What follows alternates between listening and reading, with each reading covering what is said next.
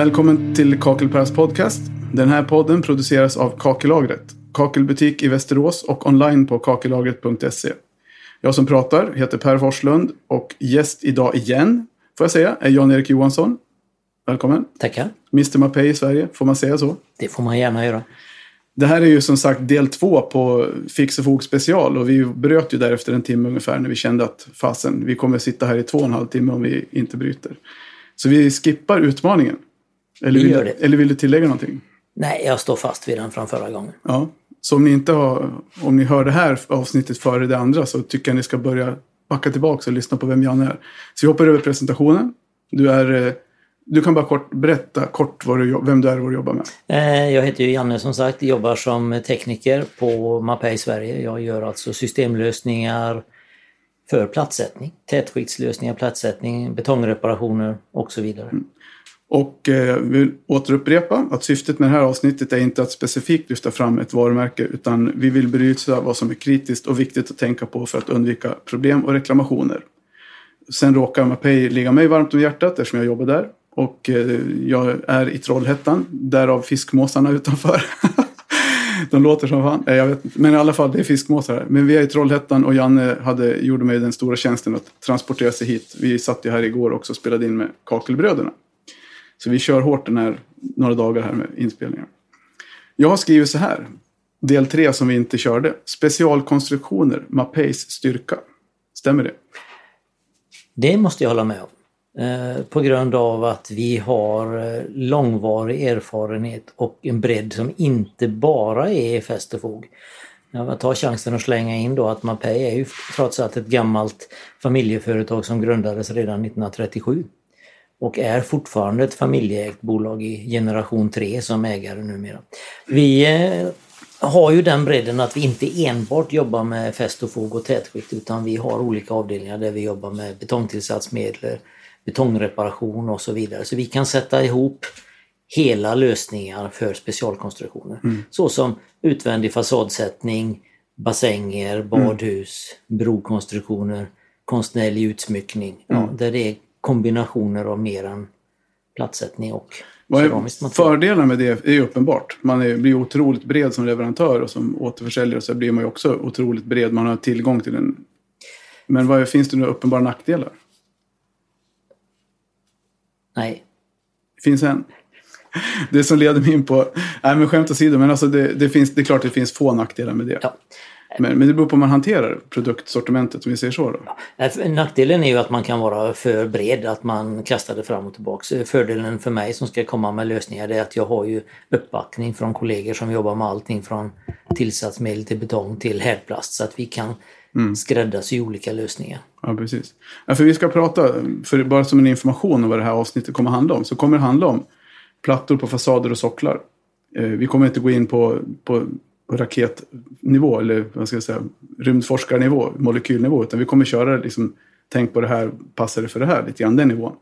Gamla betongtrappor, platssättning utomhus, eh, terrasser och altaner. Vi kommer prata om pooler i allmänhet, ingen fördjupning, för det, då blir vi inte klara idag heller. Och då börjar vi med poler, tänker jag, i allmänhet. Och det leder mig in till den här frågan varför jag frågade om det fanns några nackdelar. För hur många gånger har du fått frågan Tjena Janne, vad tror du om det här? Visst går det väl att göra så? Eh, två gånger om dagen i perioden maj till september. Vad menar jag när jag säger så? Du menar de som har köpt sig en liten poolstomme avsedd för liner och sen vill de ha keramisk beklädnad i den. Till exempel. Men framförallt, jag tänker också så där, i allmänhet på att man, man har tänkt göra på ett visst sätt. Ja. Som inte riktigt kanske är som man borde göra. Så vill man ringa och få det bekräftat av sin leverantör. Ja. Jo men det är ju det. Och Oftast när man står mitt i det också så kommer det där samtalet. Ja. Visst går det att göra så här? Och för man vill egentligen bara få bekräftat att det man har tänkt att bryta mot, att det är ändå okej att göra. Ja. Vad, säger vi, vad har du något allmänt råd att säga till dem som tänker så? Eh, tänk om. Det finns en anledning till att vi ger de här beskrivningarna vi har och det att det ska fungera inte bara när du monterar det utan även tio år framåt i tiden. Och då, då landar vi i det här med funktion. Ja, det Alltså man funktion. tänker funktion på alltså varför har man gjort den här konstruktionen på det här sättet. Och man har tänkt för att uppfylla en speciell, speciellt funktionskrav. Ja. Om man då bryter mot en konstruktion så bör man ju tänka på hur förändrar funktionen. Ja, och framförallt om man gör det att man själv då tar konstruktionsansvaret så då sitter man ju faktiskt helt ensam. Mm. Och det kan ju vara bra om det fungerar men Ja. den dagen det inte fungerar så är man fortsatt ensam. Mm. Ja, men vi pratar om det där med, med liner då, för att det är, och poler, för det är nog rätt många just den här tiden på året. Och nu släpper väl det här avsnittet kanske någon gång i, vad är vi nu, början på juli. Vi Ja. släpper väl om någon gång i slu, kanske slutet på augusti. Och då kommer det ju någonstans fortfarande vara lite aktuellt med poler och, och hela den här biten. Sluttampen på säsongen. Men det är egentligen jättebra att det kommer vid den tidsperioden. För de som har tänkt sig ha en pool till midsommar nästa år. Mm. De ska sätta igång den produktionen då i augusti-september. Mm. Kan de gjuta sin pool eh, i, i november Mm. då kan de utan problem bada i den till midsommar. Ja, för den här sandwich-konstruktionen som vi pratade om där tidigare. Jag ringde till dig för någon vecka sedan och- Ja. och frågade om det här. För när jag, jag kommer ihåg när jag jobbade på, på Mapei så hade vi någon konstruktion som inte funkade. Vi var till Uppsala och tittade på någonting som hade spruckit åt helvete Ja. alldeles. Där man hade för mjukt underlag i poolen. Ja, det är ju hela tiden det att eh, nu pratar vi pooler som ska kläs med keramiska plattor, alltså glasmosaik eller Mm. Ja, det är det vi jobbar med. storlek. Ja, det är det vi jobbar med. Och det är ett stömt material Mm. och det ska ha en, en stöm konstruktion bakom. Och eh, det är stora påfrestningar vi talar om. Det är höga tryck när vattnet kommer in. Det är Mm. mycket vikt och det är tryckbelastningar. Eh, det kräver en gjuten betongstomme. Mm. En murad lekastomme, det är att få klara av den tryckbelastningen genom att då få rätt armering, ha rätt typ av bruk som klarar hållfastheten mellan leka och definitivt dessa eh, termoblock där du har en eh, XPS, alltså en, en plastyta. Mm. Det är inte gjort för keramisk beklädnad.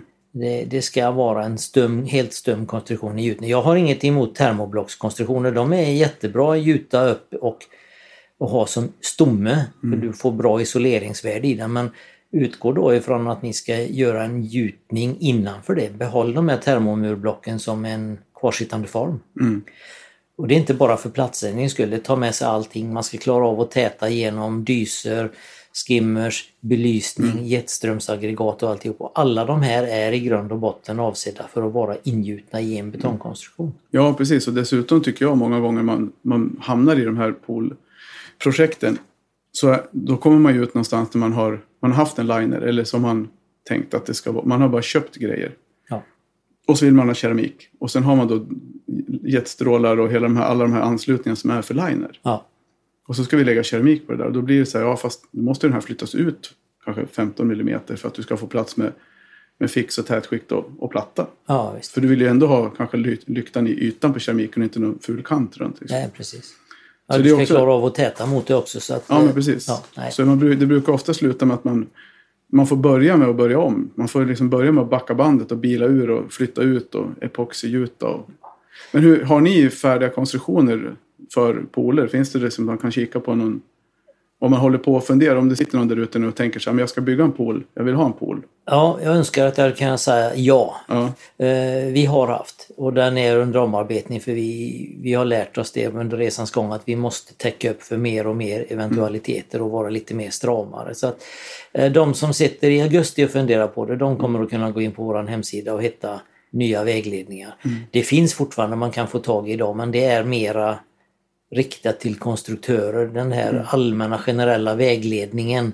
Då får man kontakta oss så kan man få ett underhandskopia på det. Men i augusti räknar jag med att vi har... ja då är här släppt kanske. Ja, då kan det matcha riktigt bra. Då har vi en, en guideline. Så länge så finns det om man absolut vill läsa på direkt någonting, så finns det ju riktlinjer på BKRs Oh ja. hemsida, bkr.se. Där har du ju riktlinjer för pooler, för storkök. Och kanske till med, utvändigt. Ja, det har ju kommit, det kommer lite löpande nya Ja. riktlinjer. Så det är ju ett riktigt bra tips tycker jag. För de är väl, välarbetade och väl genomarbetade och väldigt uppdaterade just nu. eh, Med allt det senaste. Ja, och sitter man i tankar och ska bygga alltså en, en mindre villapool, ta kontakt med din keramikleverantör. Han samarbetar med någon av oss stora leverantörer som har system för bassäng så, så får ni rådgivning direkt. Och gärna innan ni har börjat bygga. Ja, precis. Det tänkte jag säga också, för det är ju ganska viktigt när man gjuter också att man får med rätt Oh, ja. bitar från början med svällband och i gjutskarvar och sådär så Ja. det För det är ju mycket påfrestningar och man vill ju inte att man ska, man vill inte börja efter fem år och, och försöka hitta något läckage. Nej, vi, vi pratade om det här innan du sa att det handlar om specialkonstruktioner och eh, en bassäng det är det mest avancerade vi kan bygga. Mm. För det ska hålla vatten, det är en mängd tekniska lösningar som ska in och vi utsätts hela tiden för svensk temperatur, svensk mm. väderlek. Så att eh, tänk över och gör det ihop med din kakelleverantör. Han tar kontakt med tätskiktsleverantör och så vidare. Jag kommer, I samband med det här så kommer jag lägga ut ett blogginlägg. Vi, gjorde ju, vi gjorde två pooler förra eh, under vår, ja, hösten, sommarhösten förra året och lite grann under sen, senvintern nu. Som blev bra. Eh, två privata. En inomhus och en utomhus. Så det, det kommer vi ta lite kort på och lägga ut. Det, mm. det, det blev bra. Tyckte bra. Men i, med övrigt då, så, så vi, vi ska inte snöa in på pooler för det blir ju mer sådär eh, att man man måste ju börja någonstans och då tycker jag också som du att börja med att kontakta någon butik eller ja. någon återförsäljare där man kan få hjälp från starten så att säga vad ska vi tänka på? Börja med att bestämma vad det är för pool man ska ha. Om det ska vara en plaskpool eller om det ska vara en som man kan ligga och träningssimma i, alltså med mm. strömaggregat. Mm. Och efter det bestäm vad ni vill ha för ytskikt. Mm. Ska det vara keramisk beklädnad? Ja, bom, då, då gjuter man en konstruktion. Kan man tänka sig ha en liner? Ja, då kan man mura upp och ha termoblock och mm. så vidare. Men bestäm från början vad ni vill ha. Mm. Då blir det billigast och bäst.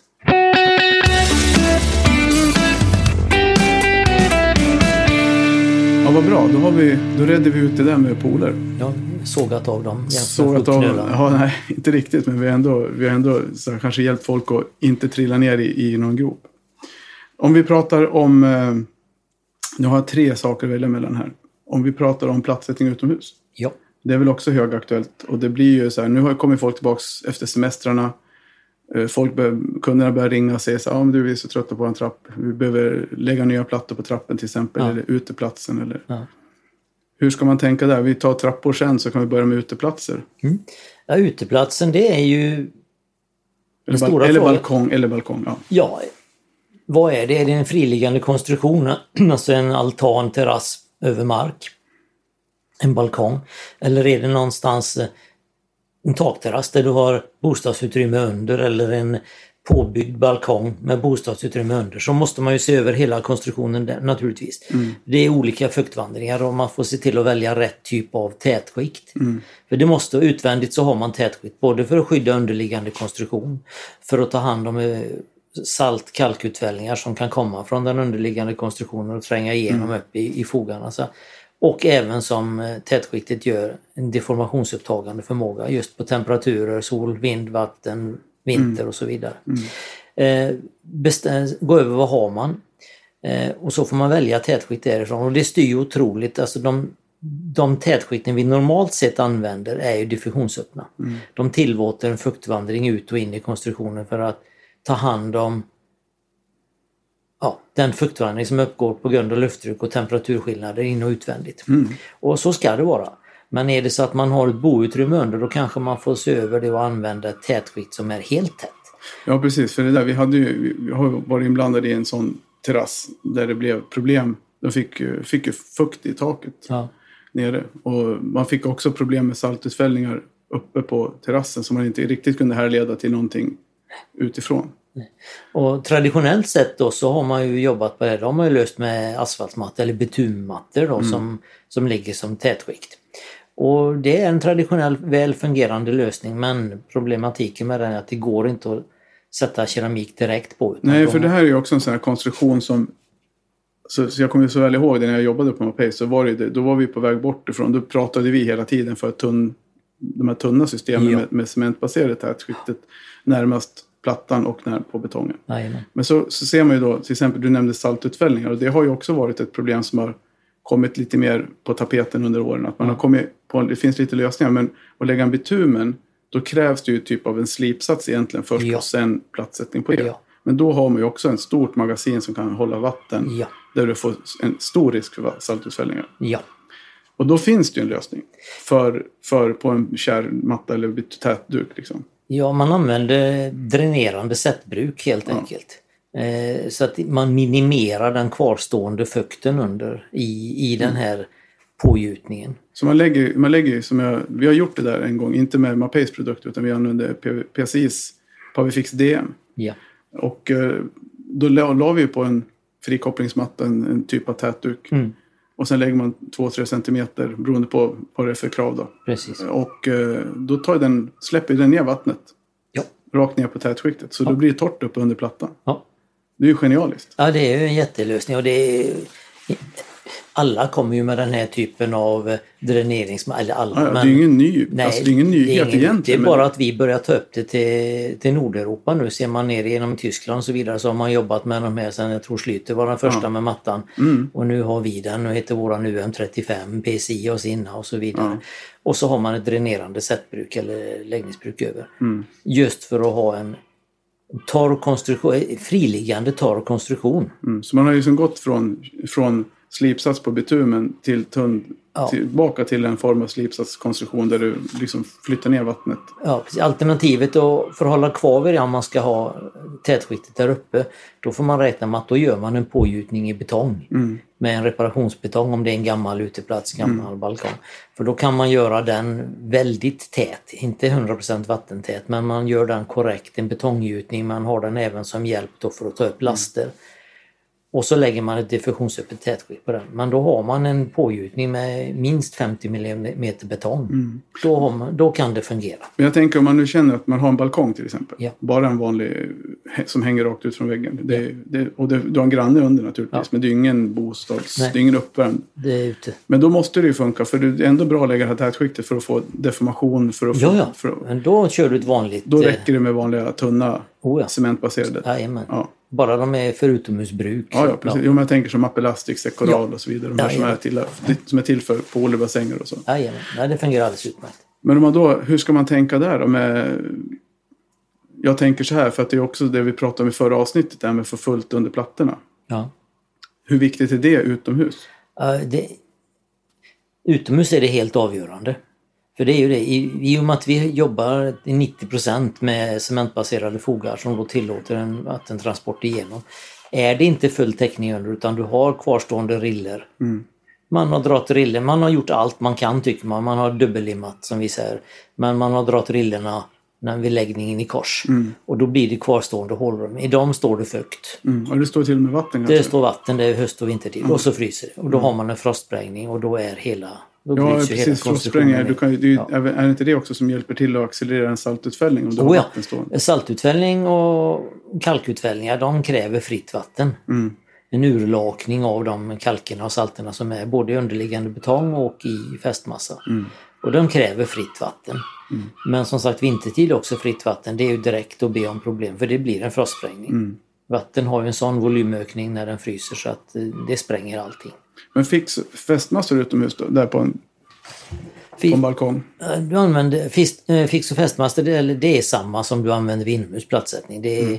det är samma produkter. Det, de är homogena, så de är frostsäkra i sig förutsatt att det då inte är hålrum i som, man, som Mm. Men spränger sönder. Det här med lättfix då, om jag sa, till exempel med lättfiller. Jag personligen ska jag helt ärligt säga är jävligt skeptisk, väldigt skeptisk, jag ska inte svära. Eh, Jag är väldigt skeptisk till att använda lättprodukter utomhus. Jag känner mig mer stabil med typ Keraflex Maxi eh, som ett cementbaserat vanligt med, utan lättfiller. Ja, min första rekommenda- rekommendation vid all, eh, alla golvytor utvändigt så är det Keraflex Max S1. Det är ett traditionellt eh, Skillnaden alltså deformationsupptagning, vidhäftning naturligtvis, allting sånt är jämställt. Men eh, precis som du säger, lättfixmasterna är ju lite porösare. De har en ballast som tillåter att man, den bär lite mer vatten. Vid väggsättningar definitivt ingen skillnad, på fasad och sockel och så vidare. Där ska man använda lättfix för att de är så mycket enklare att få full täckning med. Eh, och har oftast en högre vidhäftning. Men eh, där det gäller golvytor så eh, det är så väsentligt att man får en så homogen fixbädd som möjligt och då är det enklare med traditionella fästmassor. Max S1, Vario S1 som du nämnde tidigare. Ja, men precis. Jo, för det är ändå det som är det, det viktigaste, är tryggheten och känslan efteråt. Att man vet att Ja. man kan lita på det man har gjort. Ja. Men det här med, med nivåsystem utomhus, platssättning utomhus. Eh, man bör nog tänka lite, alltså det första man ska tänka på utomhus, om vi nu pratar om balkonger, terrasser och så vidare, det är ju valet av keramik. Mm. Ju större format, desto större risk för problem. speciellt i kombination med kulör, alltså en mörk svart eller mörkt grå platta utsätts för enorma temperaturskillnader beroende på om det är sol på dagen, eftermiddag och natt. Mm. Och är det då en stor platta också så kommer det att bli temperatursvängningar i den, rörelser i den. Så att eh, utvändigt ljusa plattor och mindre format, då minimerar man risken för framtida problem. Mm. Ja, ser. Ja, det är bra att veta. Och niv nivåsystemen där är ja, ju mindre plattor ju mindre behov av nivåsystem eller Mm. nivelleringssystem vid plattsättning. Alternativet är ju att man inte lägger dem i fästmassa överhuvudtaget utan man har de här friliggande blocksystemen eller Mm. vad vi ska kalla dem för. Ja, du tänker på två centimeters Ja. klink. Ja, Ja. det kan man absolut använda. Det är ju också en bra lösning på en, på en balkong där man kan lägga på piedestaler. ja, det är väl att svära i kyrkan från en eh, pulverleverantör men eh, det är många gånger ett alternativ. Jag kan ju tycka samtidigt att om man ger någon ett råd osjälviskt så är det mer trovärdigt än om du skulle säga så här, "Nej, men det där piedestalen, det tror jag ingenting. Ja, vi pratade ju tidigare om den här lösningen med bitumenbaserade asfaltsmattor, tätskikt. Där är ju de här pillarsystemen helt otroliga. För där, där ska du inte ha någon vidhäftning. Nej. Utan du ska ha en, en friliggande konstruktion med full ventilation och dränering. Och då har man löst problemet. Ja, vi gjorde ett sånt. Det ligger på vår hemsida nu. Ett, eh, ett reportage om ett sånt projekt i Västerås som vi gjorde förra året, 2019. Med eh, piedestaler två centimeters på en takterrass. Det blev hur bra som helst. De har ju haft det där en vinter och en vår nu. Nu var det visserligen en väldigt mild vinter 2019, men 20 där. Men eh, ändå, så de har ju varit oerhört nöjda. Han, han sa det, han gick bara ut, han gick bara ut på våren och, och checkade av allting. Mm. Spolade av det lite grann med slangen. Rensade silarna under den plattan i hörnet där de låg. Och sen var det bara flytta ut utemöblerna och köra. Ja. Inget olja, inget krångel liksom. Så det är bra. Om vi, om vi kliver på nästa punkt. Känner du att vi hade tömt ut balkonger så mycket vi kan lägga oss i nu? Ja, det är ju även det som du säger, en specialkonstruktion. Ja. Eh, Tänk över, men eh, börja med att fundera på ytskikt, att stämma av med att vi bor i det klimatet vi gör där vi har stora temperaturskillnader. Tänk på formatet. Det kan vi säga generellt för med både med pooler och betong. Ja, Och sen för, för plattsättaren då, betänk att ni ska ha lägst en SL-klassad fästmassa utvändigt. Gärna S2. Mm. Eh, De har fördelar när det gäller temperatursvängningar. Om vi pratar, om vi håller oss kvar på betongunderlagen så pass att vi har en gammal trappa. Ja, Det kan vara en trappa ner till ett cykelförråd. Det kan vara en trappa in i ett hus eller ja, whatever. En betongtrappa En som har stått betongtrappa. sedan 60-70-talet. Du vet, De här klassiska med rostiga räcken. Som Jajamän. alla, så vill man göra den där snygg till Ja, man vill fräscha upp den helt enkelt. Ja. Hur ska man tänka där? Om man är, dels om man är konsument, det kanske är någon konsument som lyssnar på det här. Eller om man kommer som hantverkare och får frågan och fräscha till den. I eh, bägge, båda fallen där, både som konsument och som entreprenör som ska titta på det, betänk på att det, det kommer att bli ett ganska omfattande projekt. För man ska ta bort den gamla keramiska ytskiktet eller natursten, vad det nu är som är Ja, på. normalt, ofta så är det ju bara, om du tänker en trappa som har stått ute i väder och vind. Ja, du är en ren En betongtrappa. ren, ren Ja, obehandlad. Eh, Den är anfrätt, den har väldigt dålig... Den, vi pratar ju om kloridgenomträtt och karbonatisering, alltså förändringar i pH-värde som bryter ner hållfastheten hos betong. Det blir lite tekniskt där. Men, eh, den fronten, hur långt in den här nedbrytningen har gått, det är en styr hur långt man måste riva. För att så, länge, så långt in som den här karbonatiseringsfronten har gått, så långt skyddar betongen inte innanliggande armering längre utan det kommer, armering kommer att rosta, armering som rostar spränger. Den har en volymutvidgning på 20 gånger. Men om man inte har fått någon betongsprängning, betyder det att man kan liksom bara fräsa ytan ner till fast betong? Eller? För det ofta så ser det ut, den är lite grusig ytan. det, det är väl så man gör, man fräser ner till fast betong och man kan göra ett slagtest med hammare eller handslägga på liksom, när den studsar och man hör nästan på ljudet när man har varit med ett tag att där är det friskt. Det går ju att mäta hur långt man har kommit med kloridinträngningar men friskt underlag. När det står emot slag eller står emot en fräsning, ja. Så man bör, men man bör liksom, man ska Man ska, ner, man ska fräsa av ytan för den har ingen hållfasthet kvar längre. För att bara liksom lägga tät, mappelastik eller sekoral eller tätskikt uppe på, det blir ingen långsiktig. Nej, det är ingen långsiktig lösning. Du kommer att få en vidhäftning, eller vidhäftningsbrott under tätskiktet i den här gamla ytan. Så du skall ner. Eh, sen hur långt man kommer ner, men eh, räknar med att det blir en centimeter och det innebär att man får ta någon reparationsbetong och bygga upp Mm. underlaget med. Och det finns de som har spackelkonsistens så man klarar sig utan formsättning. Mm. Eh, det kanske är så illa att när man börjar riva i det så var det värre än man trodde och då får man formsätta och gjuta nya steg helt Mm. enkelt. Ja, men precis. Och det finns det ju mycket bra produkter för. Vi säljer mycket reparationsbruk faktiskt Ja. på kakelagret. Och det, det ska man ju också betänka då beroende åldern. Är det, det kan ju vara en mekanisk skada på en ny trapp. Ja, då kan man använda starka reparationsbruk. Men är det en gammal som vi pratar om 60-70-tals, ja, välj reparationsbetonger då som har en lägre hållfasthet, som är svagare. Mm.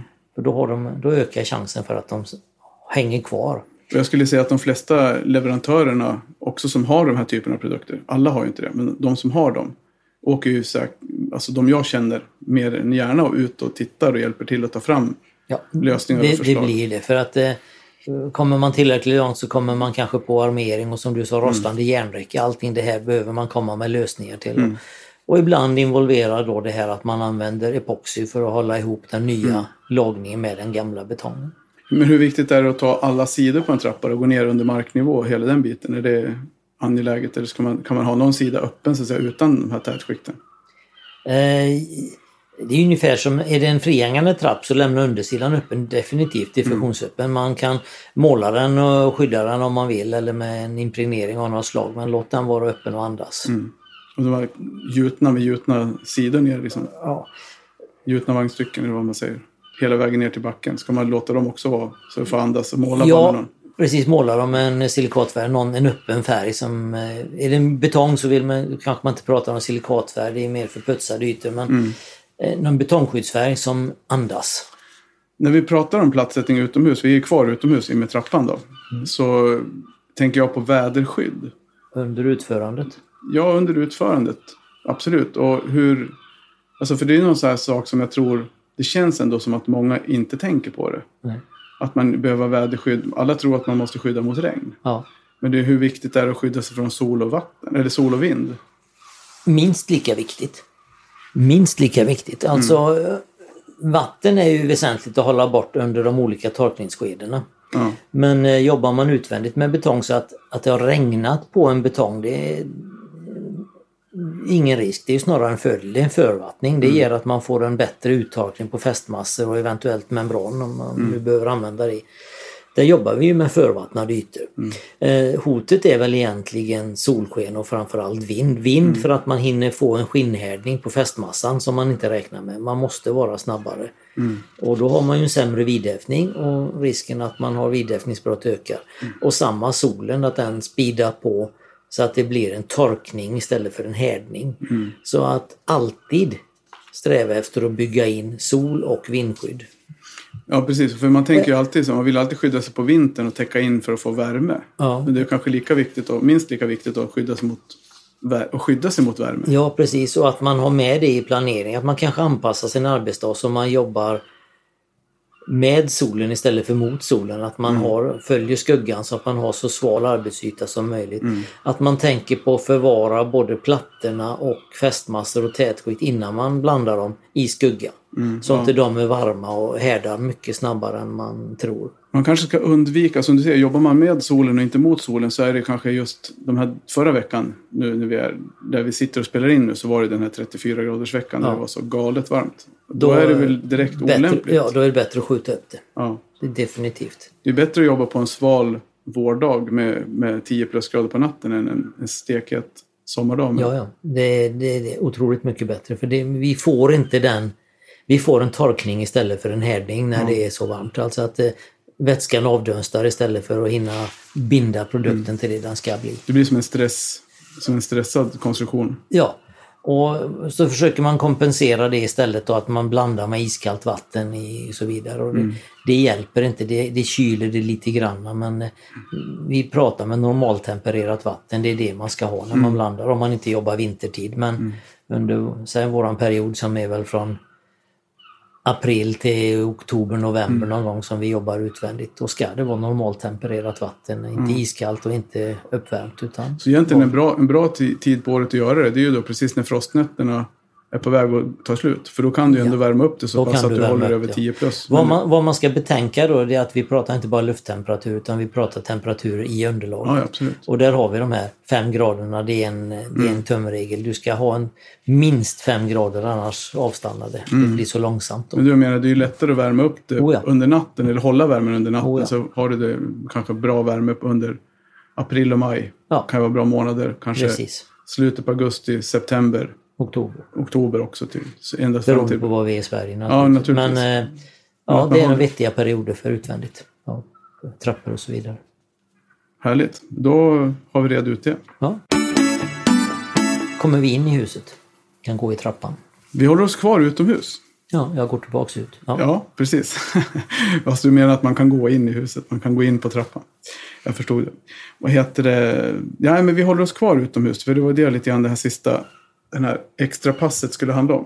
Fasad. Fasader och socklar. Ja.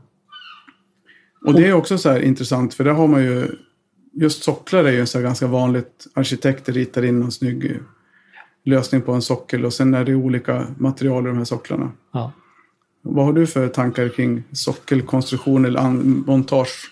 Jag ser ju en otrolig ökning på det framförallt. Mm. Det som du pratar Sockel, alltså första våningsskiftet kanske. Man säger sockel 1, två våningsplan. Mm. Och sen bygger man vidare med någon skivlösning eller man, ventilerad lösning och så vidare. Men sockelplanen ska man ha fast. Vi ser en enorm ökande efterfrågan på att ha keramisk beklädnad på fasader överhuvudtaget. Mm. Villor och stora, eh, ja, stora hus, konstruktioner. Eh, och inte bara med mekanisk vidätning utan man vill ha tunnsättning. Man vill limma upp keramik på fasader. Mm. Både keramik och natursten. Och det pågår samarbete mellan eh, naturstensleverantören och oss på keramiksidan. Hur, hur ska vi lösa det här? Hur tar vi hand om de här temperaturrörelser och sånt som uppstår? Hur är det med indelningar? Hur säkert är det att limma? Använda fästmassor Ja, för montage. Och hur högt kan man hur gå? högt kan man gå? Ja. Mm. Vad säger lagar? Vad säger erfarenheter och så vidare?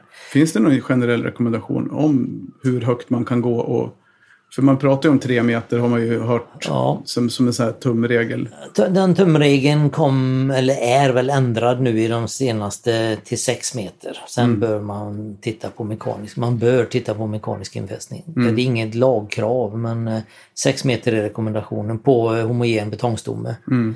Eh, När det gäller att sätta på eh, termofasader på skivlösningar, där, där går man högre. Mm. Där, där finns det egentligen ingen övre gräns för hur högt upp man ska gå För att sätta mig fix. för att sätta mig fix. Okej. Men- Vad menar du med termofasader? Alltså eh, XPS-fasader, iso- Ja. putssystem. Mm.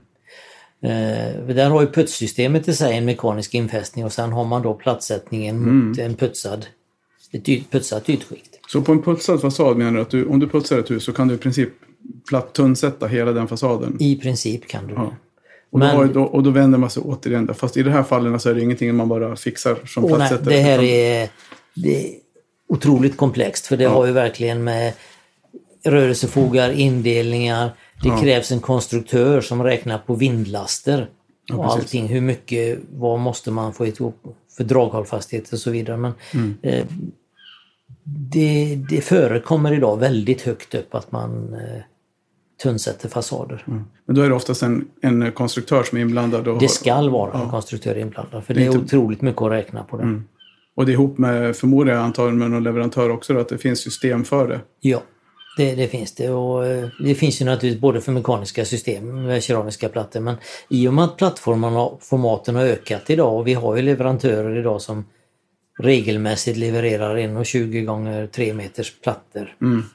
Skivor, keramiska ja, skivor. Ja. Där har vi keramiska skivor för ytbeklädnad.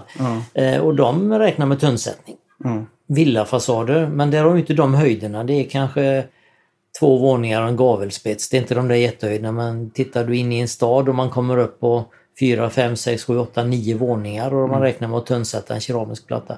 Naturligtvis är det otroliga belastningar på den. Mm. Det är krympningar, det är belastningar, det är vindlaster, det är frostsprängningar. Så att, eh, Men Men hur ska man tänka då som plattsättare om man får ett sånt där, man får ett sånt där mindre sånt där uppdrag? Och upp till, upp till 6 meter så behöver han egentligen inte fundera. Det, det som styr där det är indelning i rörelsefogar och så vidare. Mm. Det måste definitivt vara med på en fasad om det är en bet- betongfasad. Och fästmassa, val av fästmassa. Val av fästmassa, ta det ihop med plattleverantören och din fästmasseleverantör. Mm. Men Mapei säger S2-klass S2-klass utvändigt. generellt utvändigt. Eh, är det ba, bara en sockel Mm. eh, S1? Ja, det funkar. Det funkar. Går du över, över de här ja, sockelskär, så över två meter upp till sex meter då, Mm. eh, S2. Men det är likadant där då. Det blir ju samma, det blir samma tänk då, tänker jag. Alltså om du ska sätta en sockel eller en fasad och jobba med, med eh, klimatet. Ja, Sol, vind. Ska man skydda sig, täcka in och ställa Oh ja. med inteckning om du gör jajamän. även mindre fasadjobb? Ja, det är det. För din största fiende här är oftast det är vinden. För Ja. den ger en så snabb uttorkning av ytan på fästmassan, en skinnhärdning. Ja. Och det räcker att du vrider om och ska hämta upp plattan och dra kontaktskiktet på den. Mm. Och så har du hunnit skinnhärda på fasaden. ja. Och man, tänker, man känner inte av det direkt när man monterar. Nej, det kan bli bara lite, lite grann. Det kan ju Precis. påbörja härdningen i hela produkten. Jajamän. Och nej, det, vindskydd det kostar så lite i förhållande till att göra om det sen. Ja. Och man, samtidigt så har vi pratat lite grann med, om det här med, vad heter det, med arbetsmiljö. Ja. Och hur man hanterar sig på sina byggarbetsplatser. Och I form att man lämnar pris och hela den här biten. Så är det ju samtidigt, så, samtidigt där så är det ju, man ju, kanske man uppfattas som mer seriös om man tar ansvar för hela biten och förklarar det i sin offert. Att ja, men vi har faktiskt tagit höjd för att vi måste täcka in här för Ja, väderskydd. precis. Då blir man ju mer seriös. Ja, och du bygger ändå ställning. Det är inte de jätteextra kostnader att hänga på en vindskyddsduk eller solskyddsduk på den. Det, och det är en säkerhet. Det är ökad fallsäkerhet för de som jobbar där uppe också. Att man har det här skyddet emot som stänger av. Så att eh, det är flera aspekter. Men framförallt det där att man ger sig själv chansen att göra ett bättre jobb Mm. när man har en intäkt.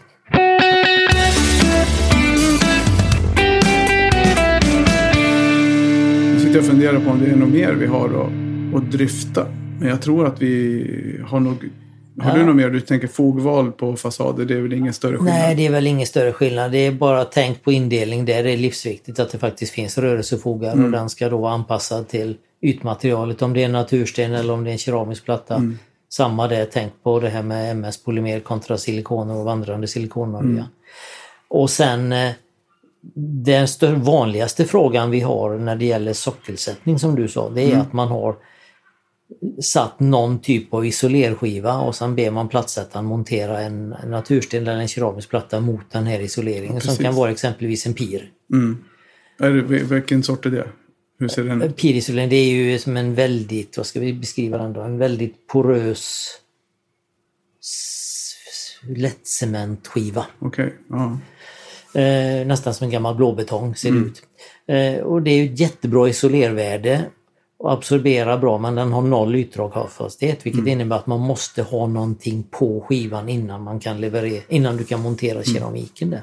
En skiva eller en putsskikt som är mekanisk infästning. Mm. Ja, för det är också så här, jag fick en fråga för någon vecka sedan. Det kom in en kille och ville, han skulle sätta dit sockelskivor som hade lossnat. Ja. Som var limmade med något lim bara. Ja. Och de hade lossnat från en sån här typ en vanlig markisolering, de här blåaktiga Ja. skivorna. De hade satt på s- sockeln. Och så ska han limma tillbaka med sockelskivorna. Och ja, vad limmar man det med? Så att säga. Alltså det, var ju, det är ju svår... Ja, det är det. Direkt på en cellplast eller XPS-plast. Det är ju jäkligt svårt men då sa jag det, ska man göra ordentligt så bör man väl kanske om du ska sätta med lim, det går ju inte för du får ju ingen, alltså det blir för liten har du mängd. får ingen täckning. Nej. Så i det här fallet så var det mer att de skulle lösa det tillfälligt. Då. Men Ja. vi skickade med honom ett S2, fästmassa S2. Ja. Och sa det att se till att du får liksom smeta, fylla ut, smeta på hela skivan och sen dra upp. Ja, det är ju en, eh, en Men det quick finns, det finns, ja, precis. Och det finns, egentligen, det finns egentligen ingen... Det finns det ju egentligen ingen konstruktion på. Utan det är mer så här, då tänkte ju jag mer så här, hur, vilken typ av produkt har vi som skulle kunna fästa på den här? För det, egentligen så är det ju en, någon form av putskonstruktion. Ja, ser du på hur de där termofasadlösningarna är, Mm. eh, oavsett vad man kallar dem, Mappeterm Tile eller whatever, så är det ju det att man på isoleringen tar ett eh, putssystem Mm. med ett nät där du har mekanisk förankring av nätet, sen putsar du ut och sen sätter du plattorna ja, på det. Så det sitter fast i stommen. Så att. Ja, precis. Och det är det man vill. Man vill ju få det här. Och sen så generellt sett när vi får de här frågorna. I det här fallet så var det mer, det var en reparation, det var någonting som inte... Han visste väl också om att det här kommer inte att hålla i hundra år. Men eh, får man frågan på ett, i en annan typ av situation så blir det ju alltid att man ringer en putsleverantör Ja. och säger hej. Har ni någon konstruktion för det här? Hur ska vi gå vidare? Vi ska sätta plattor. Så får man ju ofta som du säger, damma i den här pluggen, sätta i ett stålnät och sen putsar på med något glasfiberbruk eller ja sockerputs. Och det är ju samma på skivventilerade fasader också. Kolla med den som levererar det ventilerade systemet för han har ju någon baskonstruktion som går vidare. Sen om det är för att putsa och, och måla eller om det är för att putsa och sätta keramiska plattor eller eh, tegel till och med. Det finns lösningar. För vi kan ju ändå sammanfatta det hela med att det absolut bästa underlaget för att sätta plattor, det är ju mineraliska underlag, puts Oh ja, eller betong. definitivt. Så då vill man gärna ha en putsad yta på en sockel. För då har man samma släkt av material, keramik, fästmassa, bakgrundsmaterial. Det har den här kedjan med att det kemiskt fungerar ihop. Härligt. Med andra ord så kan vi avsluta med att säga det att keramik och fix, vi är släkt och vi hör ihop. Ja, en bra sammanfattning. Så jag tror att vi nöjer oss med det. Vi hade ett del två, fördjupning med eh, Jan-Erik Johansson från Mapei, Sverige. Stort tack för att du ställde upp och var med. Ja, tack för att vi fick förfrågan Ja. att vara med. Absolut. Och som sagt, är det någon där ute som känner att de har något inspel på innehåll, eh, hör av er. Eh, Är det någon som känner att ja, men du, han har inte pratat om det här, det kan jag vara med och bidra om. Så hör av er om det också så bokar vi in någonting. Så ha en skön sommar fortsättningsvis, för just nu är det högsommar här och vi ska snart gå på semester. Det ska vi. Ha det gott! Hej och hå!